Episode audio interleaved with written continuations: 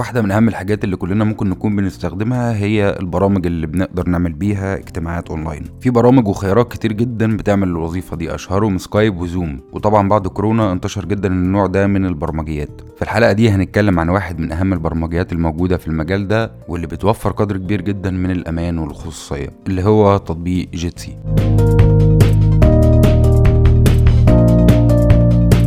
أهلا بيكم في حلقة جديدة من بودكاست أوبنت. أنا محمد الطاهر مدون وتقني مهتم بالحقوق الرقمية.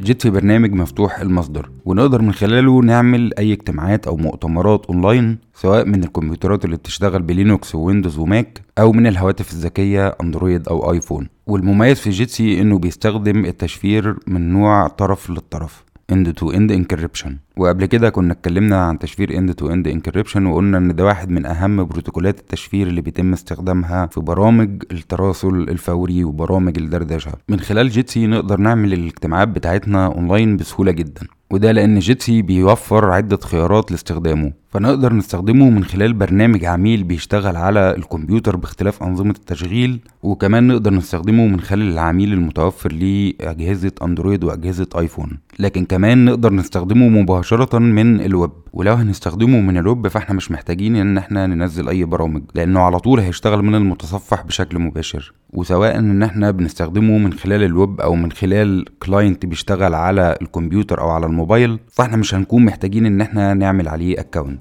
ودي واحدة من المميزات المهمة جدا في تطبيق جيتسي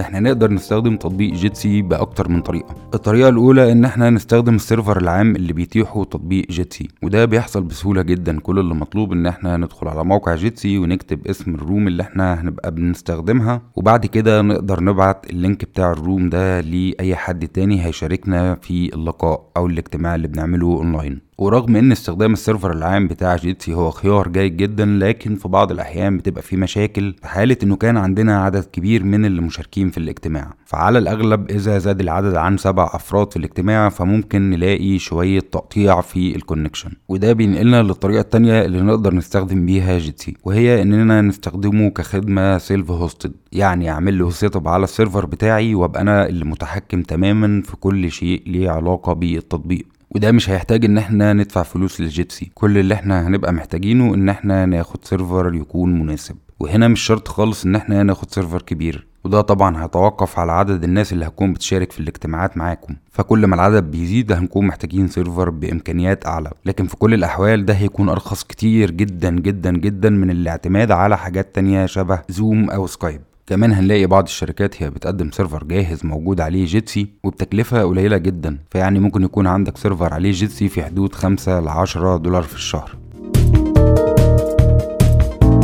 في ملاحظة مهمة ليها علاقة بالتشفير اللي بيقدمه جيتسي. للأسف التشفير اللي بيقدمه جيتسي ما هواش بيكون تشفير افتراضي. يعني المستخدم لازم يفعل خيار التشفير علشان يبقى المحادثة بالكامل متشفرة. وتفعيل الخيار ده مش شيء صعب خالص. كل اللي إحنا هنعمله ان إحنا لما ندخل جيتسي هنلاقي تحت على اليمين في مثلث أصفر. المثلث ده اسمه security options. لما هنضغط عليه هيظهر لنا شوية خيارات. فهنلاقي خيار لوبي وده شبه خيار لوبي اللي موجود في زوم أو موجود في سكايب وده عادة بنستخدمه لما يبقى مستنيين إنه مجموعة من المشاركين في الاجتماع يدخلوا علشان نبدأ الاجتماع. وكمان هنلاقي خيار ال password والخيار ده وظيفته إنه نعمل password لل room بحيث إنه محدش يقدر يدخلها إلا الناس اللي معاهم ال password فقط. والخيار الثالث وده المهم اللي إحنا بنتكلم عنه دلوقتي هو enable end to end encryption. وده الخيار اللي بيفعل التشفير في المحادثة. وهنا أحب جدا إنه ألفت نظركم لشيء. لو إحنا بنستخدم جيتسي من خلال عميل الموبايل أو عميل الكمبيوتر فهيكون عندنا إمكانية للتشفير. ولو إحنا بنستخدم جيتسي من خلال الويب من على كروم أو المتصفحات الشبيهة بكروم اللي هي مبنية على كروميوم زي مثلا متصفح بريف فهيكون عندنا إمكانية لاستخدام التشفير. لكن إذا بنستخدمه من خلال فايرفوكس فللأسف ال option ده مش هيكون موجود. وعلشان كده بنصح جدا إنه يتم استخدام جيتسي يا إما من خلال متصفح زي متصفح جوجل كروم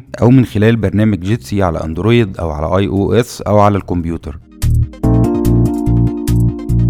جيتسي كمان بيعمل وظيفة مهمة جدا إن إحنا نقدر ننقل المحادثة اللي إحنا بنعملها من خلال جيتسي على يوتيوب وده هيكون مفيد جدا في حالة إن إحنا بنعمل webinar. وبسهولة جدا الوظيفة دي بتحصل من خلال إن إحنا بنختار start live stream سواء من النسخة اللي موجودة للويب أو من برنامج جيتسي على الكمبيوتر. لكن ده مش هنقدر نعمله من خلال تطبيق الموبايل.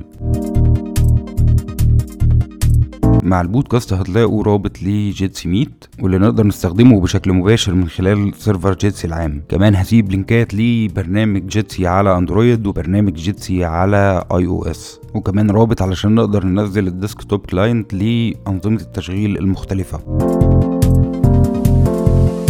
وإذا حابين إن إحنا نستخدم جيتسي ك self hosted فهسيب link بيشرح إزاي إن إحنا نعمل له installation على أي server. حلقة النهاردة خلصت. مبسوط جدا إنكم سمعتوني وأتمنى تسمعوني الحلقات اللي جاية.